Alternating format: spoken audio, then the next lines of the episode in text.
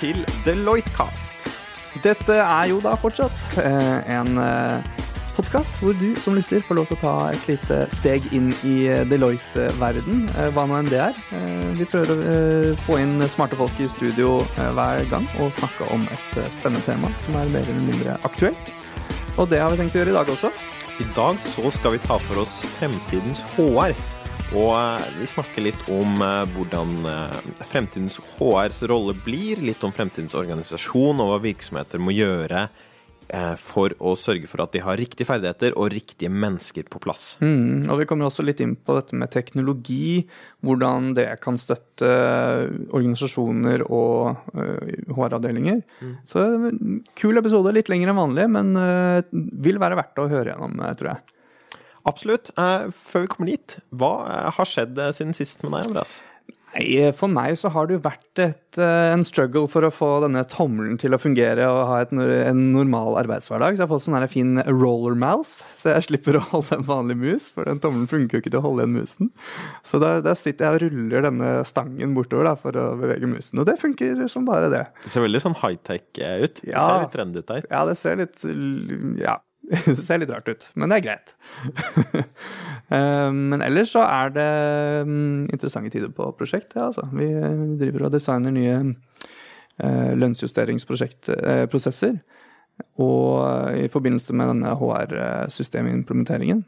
Eh, Og så ser vi også på forfremmelsesprosessen. er En hel sånn greie tar lang, lang tid det, å avgjøre fra nederste nivå hvem som skal eh, forfremmes, og hvor mye den personen skal opp i lønn og sånt. eh, Helt opp til toppen, hvor toppsjefen skal si OK.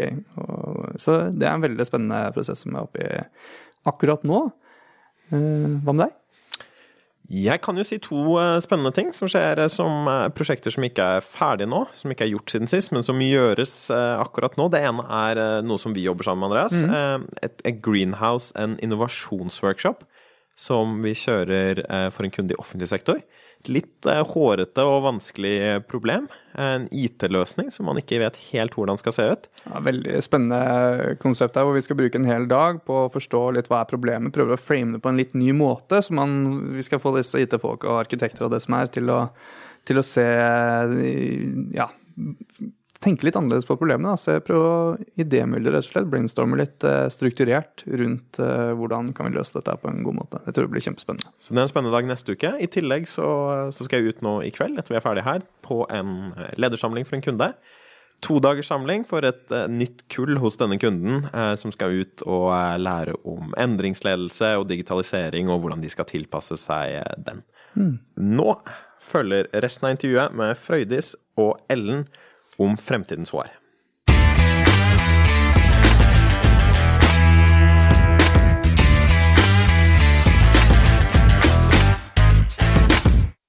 I dag så skal vi snakke om hvordan fremtidens ledere, ansatte og organisasjoner kan se ut. For både verden og menneskene i den, de endrer seg. Noe som stiller nye krav til hvordan bedrifter forholder seg til nåværende og potensielle medarbeidere, hvordan ledere bør utvikles, og hvordan virksomheter bør organiseres. Ja, og så skal vi prøve å kaste litt lys på dette her, da. Da har vi med oss en rapport. Vi har også med oss eh, to flotte mennesker. Eh, Vi har med Ellen og Hei. Og Frøydis. Hallo. Veldig hyggelig å ha dere med i, eh, i studio. Og vi skal eh, Jeg nevnte denne rapporten. Og det er altså en Human Capital Trends-rapport. Det er den femte gangen denne blir laget, femte året på rad. eh, Som blir gjort over hele verden og går på HR, organisasjonsutvikling, talentutvikling, lederutvikling og sånt. Eh, Og det skal vi diskutere litt, og så se dette her i en litt norsk kontekst. Og kanskje vi får noen eh, gode historier om eh, hva som faktisk skjer her ute, da. Det er det vi håper på. Så mm. Men først, Frøyde Frøydis Ellen, vil dere si eh, litt om dere selv, og hva dere holder på med? Ja, gjerne. Jeg eh, jobber jo i HR-transformasjonsgruppen vår under Human Capital-gruppen. Og eh, egentlig bistår med HR-ledelsen med det som hold, holder de oppe om natten. Og det er alt fra prosessforbedringer til tjenestedesign, systemimplementeringer, hjelpe de med å forstå hvilke kapabiliteter som HR-funksjonen trenger å ha, hva de må utvikle. Og ja, egentlig alt som vi gjør i eh, consulting, men i et HR-perspektiv. Bra. Har du vært her lenge? Jeg har vel vært her i åtte og et halvt år. Åtte og et halvt år det er litt. Kan du bestemme om det er lenge eller Ti. Ja. Men du har vært i England en periode periode? Jeg var fem år i London, så nå har jeg vært tilbake igjen eh, i eh, Stavanger i et år. Før det var jeg i Oslo i to år, så beveger meg litt eh, lateralt Litt og eh, hjem, horisontalt. hjemover? Ja. Hva med Kult. deg? Jo, jeg jobber også i Human Capital. Eh, Jeg har ikke like lang fartstid som deg, da, Ellen. Jeg har vært der i eh, litt over et år. Jeg Er organisasjonspsykolog og har bakgrunn fra HR. Så jeg har følt disse temaene på kroppen, da, sånn rent personlig. Eh, Jeg jobber mye med organisasjonsutvikling, noe lederutvikling. Eh, Jobber med å bistå HR ledere eh, i reorganisering og omstillingsprosesser. Ja. Og så satt du en tid som HR-sjef også her i eh, Deloitte, gjorde du ikke det? det gjorde jeg også. Det gjorde jeg eh, rett etter at jeg kom inn. Så hadde jeg et management for hire-oppdrag internt, som var kjempespennende. Så da fikk jeg jobbet med strategisk HR. Så da ble du på en måte leid ut som konsulent internt Ja. som HR-leder? Ja. Ja. Kult. Bra vi konsulenter har noe å holde på med. Ja. Um, men eh, først sånn, det snakkes jo mye om, om dette med økt endringstakt, om økt eh, digitalisering, og at vi står i denne såkalte fjerde industrielle revolusjon.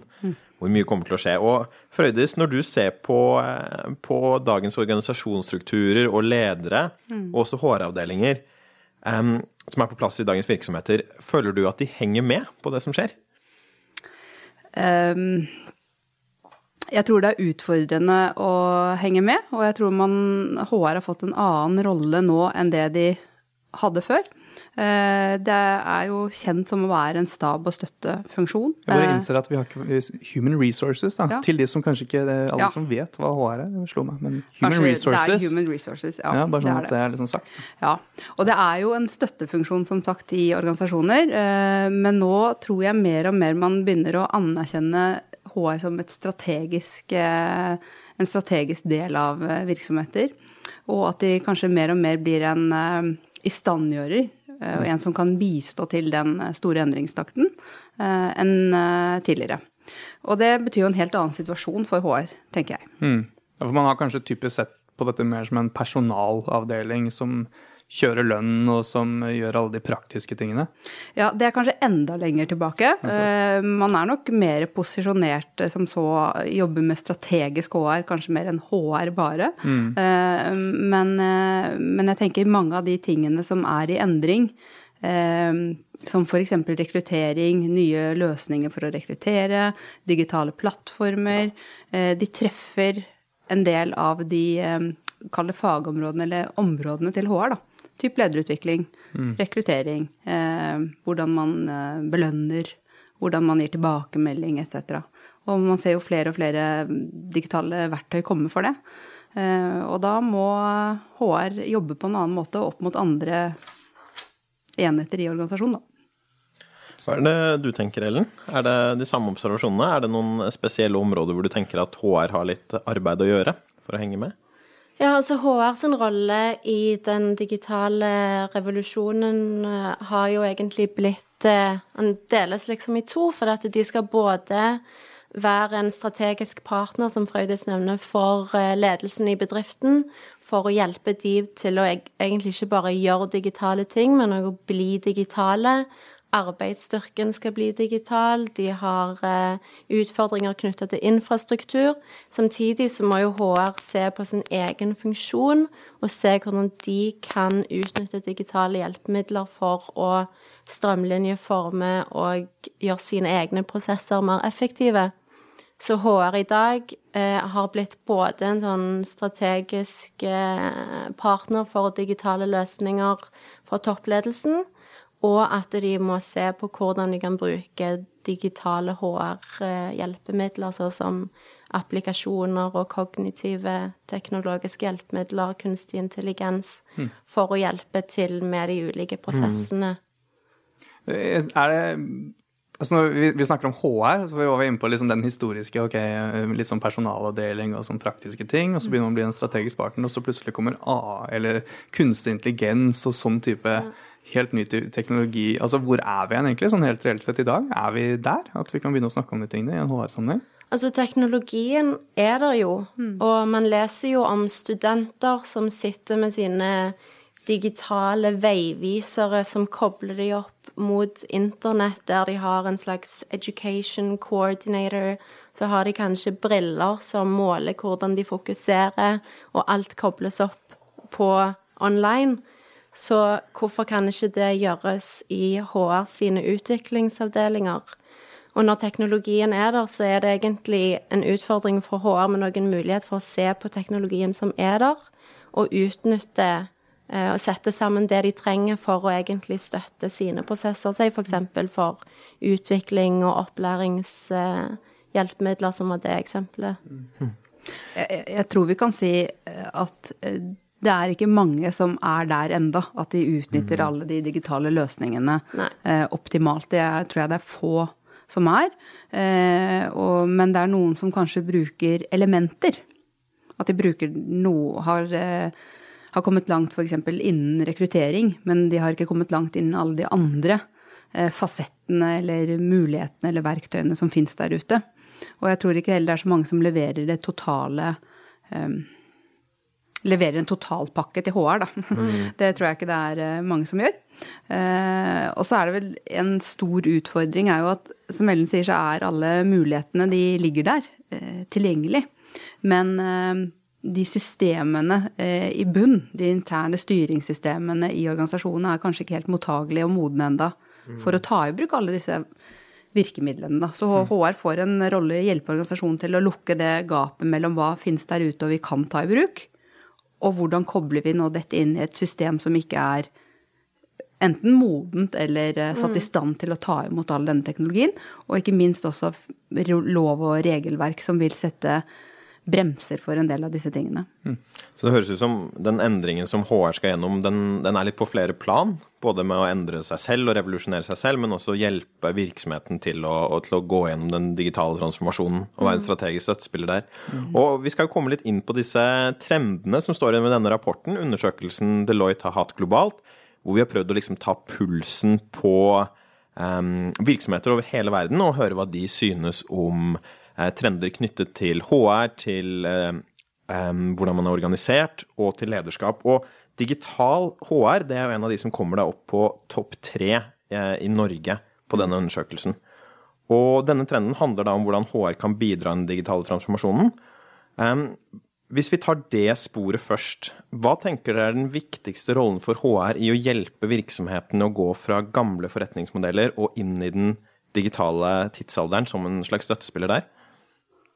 Det er vel egentlig det vi var så vidt inne på, at du HR har i tillegg til å se på sine egne prosesser og sin egen modell en jobb å gjøre for å eh, fremstå som en strategisk og troverdig partner for eh, toppledelsen.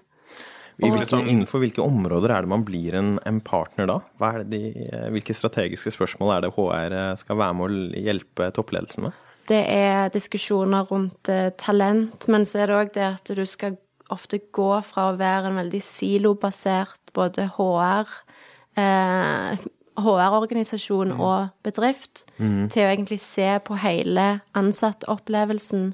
Da er det egentlig HR som har et veldig unikt utgangspunkt til å hjelpe ledelsen med å få de til å skjønne hvordan en helhetlig og integrert ansattopplevelse kan se ut, og hvordan den kan støttes av digitale hjelpemidler. Mm. Så det er liksom to ting. Altså, du, eh, du sier at en HR-avdeling kanskje kan være litt sånn silo, altså litt avskåret fra resten av organisasjonen, og kanskje heller ikke er helt moden for å ta imot eh, virkemidlene selv, eller digitale, og sånn at de må jobbe med, med det først. Mm. Men, men, også i neste skritt da, å se på Altså Ansattopplevelsen er jo også et, et, begrep som kommer opp i ikke bare i rapporten, men som snakkes mye om. Um, og brukeropplevelse, men å se brukerperspektiv internt mm. og en ansattopplevelse, det er jo ganske et nytt og utfordrende ja. begrep, en måte å tenke på. Ja. Jeg tror for mange organisasjoner så handler det eh, nå om å forstå kanskje steg én, nemlig å mm. rett og slett forstå mulighetsrommet eh, digitalisering faktisk gir. Fordi eh, det er noen fantastiske muligheter som ligger i, eh, i dette, som man kan utnytte så til de grader. Eksempelvis nå så jobber man jo mye med lederutvikling.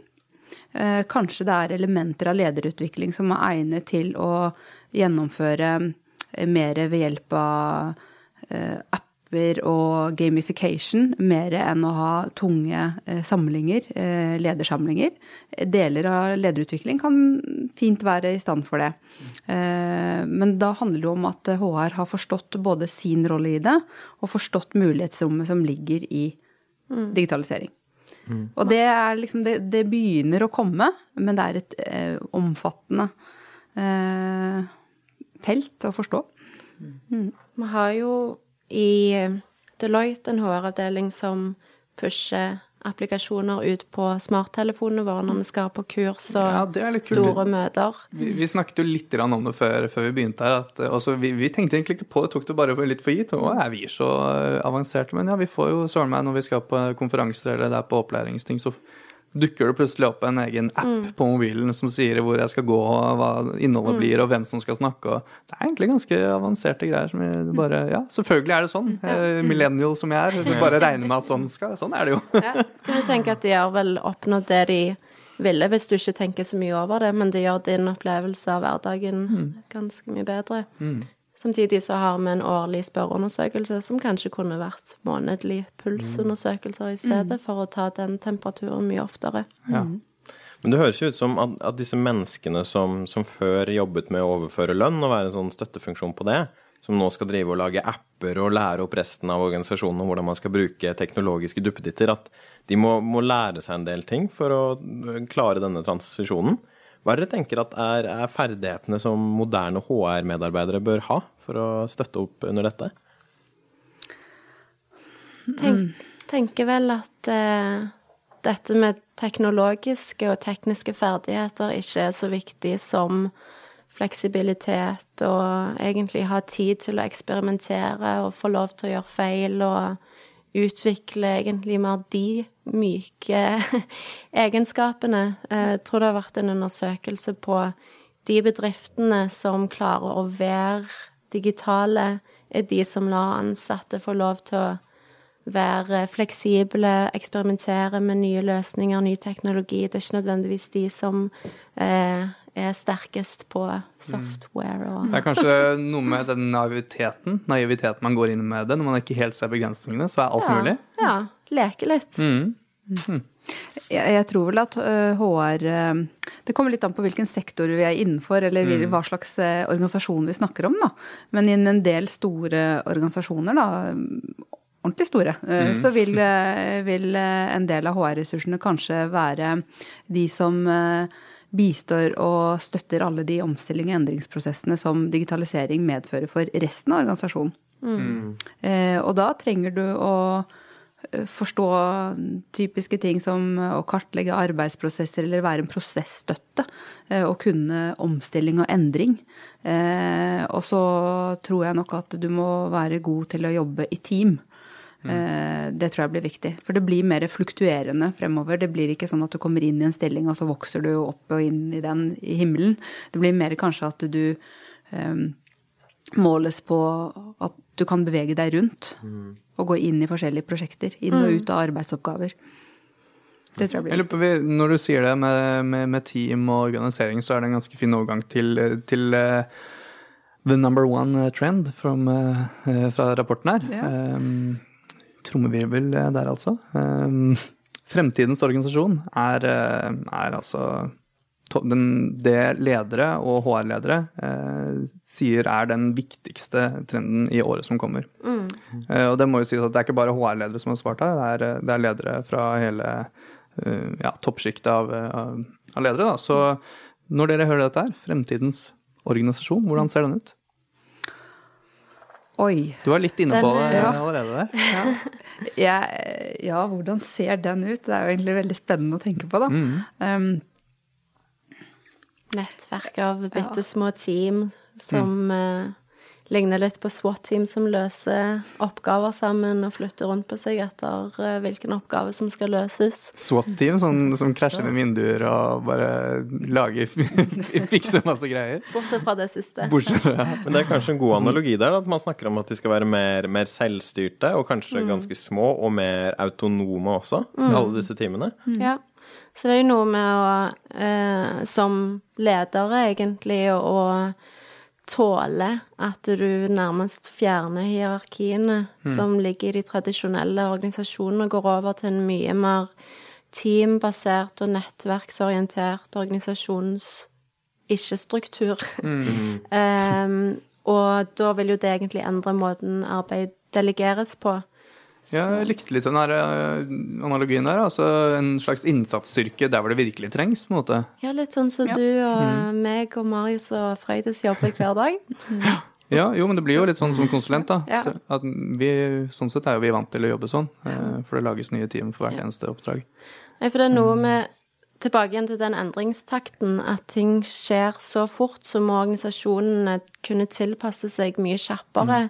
Hvis du er organisert som veldig løsslupne team, så klarer du å omstille deg og respondere på endringer fra eh, omgivelsen mye kjappere enn hvis du er en ganske rigid rigid organisasjon med rapporteringslinjer og linjesjefer.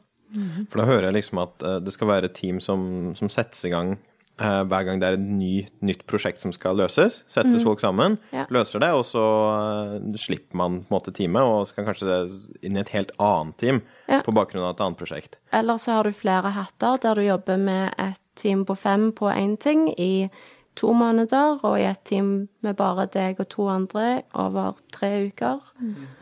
Kan du ta et eksempel da, som eh, jeg har forestilt meg, i hvert fall. Du nevnte Ellen dette med eh, Ofte så gjør man jo en, mån en årlig medarbeiderundersøkelse. Og så eh, når man får resultatene, så eh, så går man inn og hjelper de som enten ønsker det eller har behov for det. Eh, og ofte så tar jo dette her lang tid. Mer enn et år. Eh, du planlegger, og du finner spørsmålsbatteri, og du gjennomfører, og ja, det tar sin tid. Eh, man kan jo forestille seg nå at man kan bruke data som er i, i, organisasjonen tilgjengelig for analyse, typ sykefravær, eh, turnover eller andre ting, til å forstå hvor i organisasjonen er det pain points. Og så kan man gå inn og gjøre en eh, mer spot-undersøkelse og bringe inn det rette teamet. Med noen fra eh, som kan kartlegge arbeidsprosesser og jobbe med forbedring. Kanskje noen som kan coache og veilede lederne der.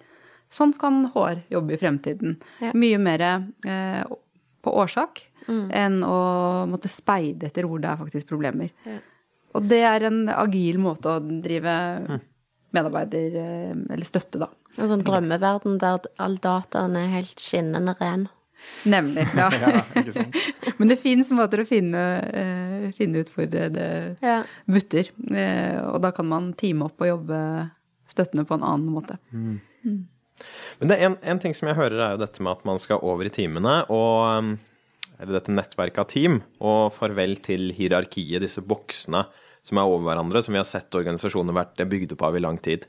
Eh, Vil man ikke bare miste kontrollen og, og fyke ut i et slags kaos når disse nettverkene av team slår inn? Dette høres jo veldig annerledes ut enn det man har eh, vært før. Ja, jeg, jeg tenker at, eh, at man etablerer team, da betyr ikke at man ikke jobber etter mål og resultater. Eh, Så de tingene tenker jeg fint kan eh, leve side om side. Så jeg tror fortsatt man må ha veldig tydelige eh, mål og eh, oppgaver og, og roller, selv om man jobber i team. Det er bare ikke de eh, vante eh, linjene. Man kommer fortsatt til å ha en sjef, altså. Ja, Kanskje. kanskje, noen ganger så eh, har man en teamleder. Ja. Det kommer litt an på hvordan disse organisasjonene velger å organisere seg. Da, om de vil eh, organisere teamene etter kjente kjerneprosesser i, i Human Resource som type rekruttering, eller om de vil være mer oppgaveorientert. Det er jo spennende. Det Ja. forskjellige modeller der, tenker jeg. Ja, hvis du supplerer på med, med mentorer og eh, egentlig teambasert eh, resultatstyring. Eh, det er jo mange veldig vellykka bedrifter som allerede er organisert på den måten, som Spotify, Google, Facebook. Ja, en, en ting som kommer fram i rapporten, er at eh, det er kun 11% som sier at de vet hvordan de skal organisere seg i framtiden og i året som kommer. Hvorfor, hvorfor det? Hvorfor er det så vanskelig? Hva er det som gjør dette med organisering så utrolig vanskelig?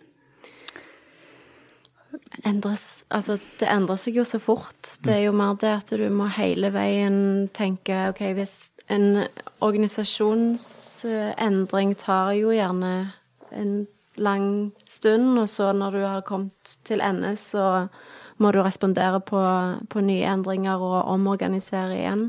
Så tror jeg at det er sånn som vi nettopp snakket om, at det er veldig vanskelig å snu 180 grader fra å være eh, strengt hierarki til å bli veldig løs, eh, løssluppen på team og prosjektarbeid. Ja, autonomi og sånt. Mm. Ja, jeg tror også en, en ting som gjør endre, altså, omorganiseringer vanskelig, er at veldig ofte så ender det opp med å være en diskusjon også rundt økonomi. Og eh, eh, reduksjon av kost. Og det å ha et eh, balansert eh, Altså jobbe balansert med det, da. At eh, noen ganger så lønner det seg faktisk å investere også for å eh, tjene mer, eller for å kunne understøtte bedre, slik at kjerneprosessene og driften eh, går bedre. Eh, men veldig ofte så ender eh, endringsprosesser og omorganisering eh, ned på tall. Og da kan det godt være at eh, intensjonen i endringen blir rokket ved, fordi at man velger eh, noen løsninger som eh, eh, økonomisk sett ser bedre ut, men på lang sikt kanskje ikke er helt optimal. Sett fra sånn et HR-perspektiv. Det er litt sånn kortsiktig tenkning her, egentlig, da. Ja. At, uh, at dette med omorganisering kommer til å koste litt, og det kommer kanskje til å være litt rot også på kort sikt, men Mm. på lang sikt lønner det seg. Men dette er vanskelig å synliggjøre gjennom veien, og da ender man opp med å, med å gå for en litt sånn halvveisløsning. Ja, Tror det eller kanskje, ja. Kanskje du er avhengig av støttespillere hos de som ser at de kanskje vil miste store team Mm. eh, under seg, som ikke vil, eh, eller er, vil være motivert til å gjøre noe med den organisasjonen der de har veldig mye makt. Og så må vi jo tenke på det, eh, selv om det ligger fantastiske mulighetsrom i, i de eh, digitalisering og ny teknologi, så vil noen mennesker også treffes av det. Så det er noen som ikke vil Ja, noen vil treffes av det og blir enten erstattet eh, av en eh, liten robot, eller eh, de blir eh, eh, De må gjøre noe, lære seg noe nytt. Eh, det er jo faktum, at det er en del av det. Eh, men da tenker jeg at det blir en viktig oppgave for HR og ledere å tenke hvordan kan man utnytte det potensialet, eh, og samtidig eh, hva skal jeg si, videreutvikle både organisasjonen og medarbeiderne sine. Eh, et eksempel på det er jo kanskje rekrutteringsprosessen. Da. Jeg tror at i fremtiden så vil, eh, vil nok ikke medarbeideren møte kanskje en menneskelig ressurs før det er snakk om skal jeg signe denne kontrakten eller ikke. Eh, for vi eh, i Deloitte vi har jo tester, for eksempel. Eh, når vi ansetter eh, medarbeidere. Og de testresultatene kan kanskje jobbes med ved en eh, robot. Det kan være en, en mulighet. Men vi trenger allikevel de rekrutteringsressursene vi har til å eh, kanskje gjøre det siste intervjuet med kandidaten.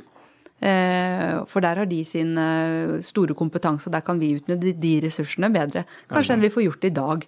Så er eh, Så man kan automatisere hele den prosessen fra å eh, motta søknad, screene, sende ut eh, testverktøy og motta, og så først der kommer det menneskelige personer inn og, og kaller inn til intervju og har intervju. Absolutt, og det er jo en del selskaper som gjør det allerede i dag. Um, og da må jo den enkelte organisasjon bli litt enig med seg selv om hvor er det den menneskelige innsatsen skal komme. Uh, og hvordan utnytter vi de menneskelige ressursene vi har på best mulig måte, gitt de uh, mulighetsrommet som uh, teknologi skaffer oss. Og det er en interessant vinkling inn i en endringsprosess. Ja, hvordan kan vi bruke de ressursene vi har på en bedre måte? Ja, egentlig? enn å bare diskutere kostnadskutt eller reduksjon eller endring. De som klarer det på en eh, vellykka måte, klarer jo å frie opp de ressursene til gjerne å jobbe med brand, og egentlig pleie kontakten med de kandidatene de vil holde i pipeline. Og så har de spart opp veldig mye fordi de gjerne har eh, videointervjuer, og de har ny teknologi istedenfor å bruke menneskelige ressurser, som Ja. du sier. Alle vi som sitter rundt bordet her, har jo sikkert vært del i eh, førstegangsintervjuer, blant annet. Hvor vi og vært med på å eh, dra kandidatene gjennom eh, et case eller scenarioer. Det er jo noe man kan spille. Ja. Ikke sant? Man kan eh, gjøre ganske mye før kandidaten kommer inn, da. Eh, og så er det kanskje sånn at vi alltid vil ha lyst til å si hei, ta det i hånden og være sikker på at det er en match. Og kanskje Selv på kandidaten òg. Kandidaten. Nå, er- det, er helt, det tror jeg er et kjempeviktig poeng, at vi må nok forstå det at eh, kandidaten eh, eh, ser også etter Er jo kanskje på jakt etter Ja. et sted å jobbe med mennesker. Jeg må jo Så si det, når jeg leste denne rapporten, så var det jo nevnt noen, eh, noen interessante apper som nå fins, som jeg måtte jo teste ut dette. Ja. Og bare det at du kan gå inn og eh, på en eh, veldig enkel måte finne ut eh, informasjon om alt fra hvilke jobber er tilgjengelig eh, rundt deg, akkurat der du står. Er det NAC? Slack het den. Slack? Ok. Eller du kan se hva er, liksom Eller at folk kan, eh, ja, folk kan liksom legge inn da eh, lønnsinformasjon og alt mulig. Så du kan tenke deg det at nå er jo den medarbeideren eller jobbsøkeren, den er jo i stand til å sette seg inn i så mye mer og få så mye mer informasjon. Så tenk forhandlingskortene de har, da. Så det betyr veldig mye for organisasjoner hvordan de jobber med employer branding og gjør seg relevant. Det høres nesten ut som litt sånn Tinder for eh, jobbsøkere, er det det vi ser her? Ja, jeg Du syns bare det går får ikke så opp og sveiper til høyre og Ja. sånn? Jo, men det er en greie. Altså, jeg testa den appen, og det er, det, er det er fire forskjellige spill da, jeg tror du får. Og jeg vet jo ikke, jeg har ikke sjekket ut liksom validiteten på dette, her, for det er jo det jeg er mest usikker på. Hva måler, måler det egentlig, det de prøver å måle? Er forskjellige spill da, som eh, måler hvor raskt du klarer å ta til, til deg informasjon. Eh, hvor, hvor god du er på å lese andres følelser, faktisk. Du skal liksom identifisere ansiktene når folk smiler, eller om de er eh, litt sure eller redde. Eller, ja. Ja. Um, ja, det er noen personlighetsgreier der. Men det er spillbasert, da. Og så har det en markedsplass der hvor uh, bedrifter kan gå inn og på en måte søke etter folk med de og de kvalitetene basert på testene. da. Det er ganske Det er en annen uh, Ja, den, er- den jeg, jeg tror nok navnet var Glassdoor. Glassdoor. Okay. Yes, yes. Ja, der er det vel eh, ansatte som beskriver sin egen arbeidsgiver, Ja. du har liksom bare totalt visket ut eh, grensene mellom ansatte og mulige kandidater. Og der går jo employer brandingen også ut, da. Ja, at, at dette er noe ansatte gjør i hvordan de beskriver bedriftene, heller enn at det er noen som egentlig jobber med det. Skal være litt sånn- veldig forsiktig med å ha eh, tilsvarende brand ute som employee value proposition inne i bedriften, tenker jeg òg. Mm. Det må være ganske samstemthet der, hvis uh, Ellers det- så kommer folk til å ta deg på det. Det er jo litt den utviklingen vi har sett i, eh, i mange felt, egentlig. At, eh, at før så hadde du kanskje at eh, restauranter eller hoteller la ut en beskrivelse av seg selv. Eller at det kom en anmelder innom en gang i halvåret. Men nå er det alle som er på besøk, driver heller og skriver en anmeldelse om hvordan er egentlig dette funker. Og plutselig må maten faktisk være god, ikke Ja. bare se fin ut på bilder. Nå må organisasjonen faktisk fungere og være hyggelig å jobbe i eh, for at folk skal jobbe der. Det er godt det er hyggelig her, da. Ja, flaks Det det. er godt det hyggelig her. En av de, de andre trendene som også kommer veldig høyt eh, opp eh, på denne undersøkelsen, det er noe som ligger litt tett oppi det, som handler om karriere og læring. Og, og det det skrives om den, er at uh, i dag så er det sånn at ansatte bytter jobb mye raskere enn før. De skal også ha et karriereløp som er mye lenger, så de antall jobber de vil ha, vil være veldig mye større. Og man ser at um, ferdigheter utdateres ganske fort. Så du er ganske avhengig av å få inn mennesker raskt med, med et nytt sett av ferdigheter enn det man hadde før. Hva- tenker dere er det viktigste organisasjonene kan gjøre for å legge til rette for læring innad? Jeg tenker eh, tilbake igjen til eh, teknologiperspektivet. Nå har jo sosiale medier fullstendig revolusjonert livene våre. Men det er noe som har skjedd med eh, konsentrasjonsevnen til folk. Mm. og det er det de som er ledende kanskje på læringsteknologi, har begynt å ta inn over seg, sånn at folk lærer med, med hjelp av sånne nanolæringskurs, der du liksom To minutter er nok. Og så skal du lære hele veien, så skal det alltid være på, så skal du kunne eh, få læring via laptopen, via mobilen, via paden din, når du er på bussen, når du venter på bussen. Så vi orker ikke dette med sånne lange kurs lenger, hvor vi må sitte i ro og følge med på noe, eller lange e-læringer. Du vil liksom fòres inn med dette. Ja, for- Litt du sveiper på Facebook, så bare sveiper du gjennom læring. Du blir så og- vant med at informasjon kommer i sånne små videosnutter eller i, i små tweets at du Jeg er helt enig. for jeg merker liksom, Hvis du skal lære et eller annet teknisk på, Ja. på jobb, og så, og så prøve å finne ok, hvor, hvor kan jeg lære om dette her, Ja. Og så finner du ut at nei, ja, flott det, det kan du godt gjøre. Eh, det skjer om tre måneder på en helg i London, eh, og det koster x antall titalls eh, tusen.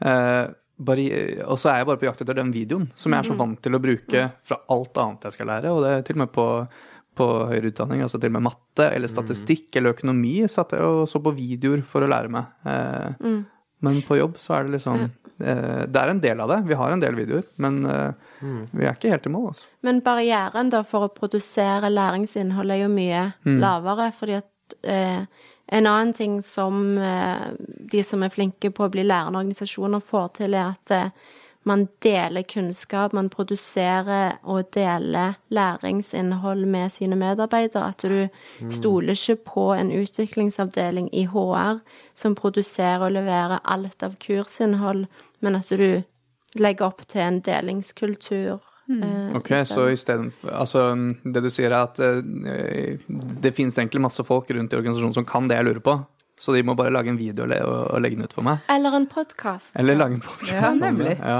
Men jeg tror det er jo der HR kommer inn, at de skal kunne være kjent med alle de gode metodene for læring. Det skal de, de skal ha verktøyene tilgjengelig. Eh, Det er eh, da eh, HR setter organisasjonen i stand til. Men de skal nødvendigvis ikke produsere alt, tenker jeg. Og det er det Det er mange HR-enheter som ikke gjør det. Det er eh, mye Altså faglig innhold kommer gjerne fra faget selv. Men, men allikevel, det handler om å være oppdatert på eh, læringsmetoder. Ja. Og det er eh, noe som bør, eh, i gåseøynene, om ikke eies, men så skal HR i hvert fall være veldig oppdatert på det. Husker litt at det er trender. Vi snakker om det er litt mer art of the possible enn hva du nødvendigvis må ha. Vi ser det i fremtiden. Da er det alle de som har hatt et skikkelig godt prosjekt. De må da ta en sånn Facebook-film og filme seg selv og si hva de har holdt på med, og hvorfor dette har gått bra, og så legger man det ut, og så kan man egentlig lære av det, da. Ja. Det var en god idé. Jeg skal, jeg skal prøve å bli flinkere på det her, altså. Ja, nå har jeg lært noe, skal jeg jeg dele det. det er Med alle. det. Ja, Jeg tenkte Men det må være plass til å dele det òg, da. Det er jo det. Ja, men man kan jo ha en morsom eh, læringsapp hvor man kan søke på ditt og datt. Når kommer det? Kjære HR-leder. Ja, nå er jo ikke jeg det lenger, da, så Men jeg kan gå og snakke med, med vår kjære HR-leder. eh. Det er helt greit å legge det på hjemme hvis det er kort nok. Ja, ja, ikke sant. Hvis det er kort nok. Det er det som er problemet. En annen ting som, som kjennetegner litt arbeidsstokken i dag, i tillegg til at de um, ofte må lære seg nye ting, er jo at de, de bytter jobb, som sagt. Og millennials spesielt snakker jo ofte om at de lett eller raskt skal inn i en jobb med mye mening, og at de har planer om å bytte jobb mye raskere enn før. Hva tenker dere at eh, HR kan støtte virksomheter med som gjør at de klarer å holde på alle disse utålmodige menneskene? Og, og lederne, for så vidt også. Lederne har en rolle det også, i å holde på folk kanskje enda tettere enn det HR har òg. Men eh, ja. Ja, det handler i hvert fall noe om det som eh, eh, Deloitte ikke er så vel aller verst på, nemlig det å gi eh, tilbakemelding ofte nok og tidsnok. Eh, det er jo én viktig ting. Eh, og så tror jeg det handler også om å få lov til å få mm, mange nok oppgaver. Eh, og kunne få lov til å bevege seg. Eh, og få muligheter. Eh, samtidig så må man også ikke glemme det at eh, det er en del som liker å jobbe med repeterende ting, da.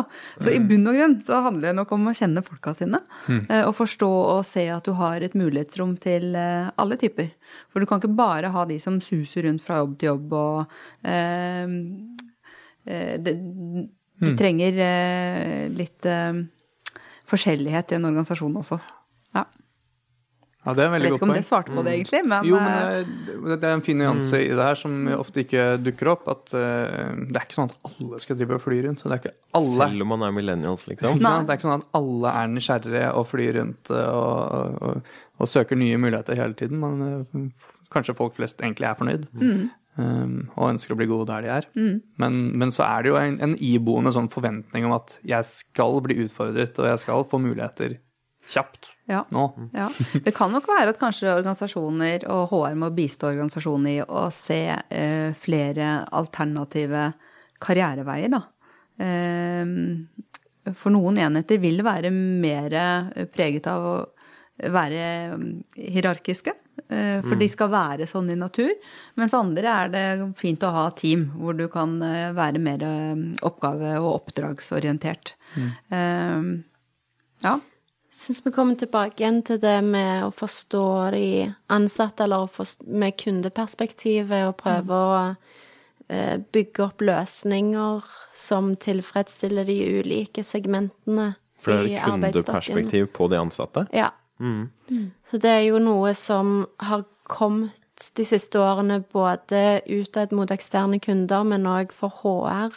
Og egentlig se på de ulike kundesegmentene og designe løsninger og programmer som understøtter det som virkelig betyr noe i kundereisen, holdt jeg på å si, hvis du ser for deg en rekrutteringsprosess. Når begynner den? Han begynner vel egentlig når du f.eks. er student, og når du ser eh, kanskje logoen til den fremtidige bedrift første gang. Og så er det de øyeblikkene som betyr noe. Er det når du ble eh, intervjua via Skype, eller er det når du tok den sjefen din i hånden første gang? Så da er det liksom egentlig det å her, ja. ja, forstå kundens perspektiv istedenfor bare å tegne de generiske prosessene og mm. skrive ned alt som du skal gjøre av aktiviteter fra Internt, ja. begynnelse til slutt. Eh, Så design thinking Det er greia. Det er uh, moro.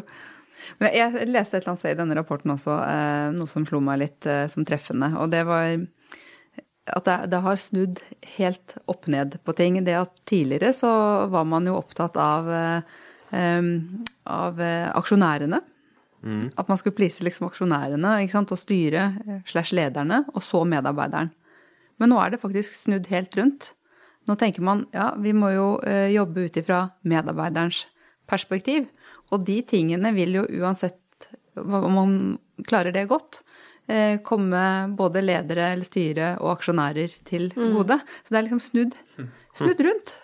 Ganske interessant å gjøre sånne øvelser òg, fordi HR-ledelsen får eh, av og til noen aha-opplevelser. Eh, du inviterer jo med deg eh, brukeren eller kundene inn i en workshop der de kanskje sier det viktigste for meg var når vi fikk en vogn der lille Ole ble født, og sånn. Så OK, greit. Tar med det med i, i reisen. Så det er også medarbeidere. Er det medarbeidere før kunder også? At bare du gjør eh, medarbeiderne dine glade og fornøyde, så kommer de til å levere overfor kundene også?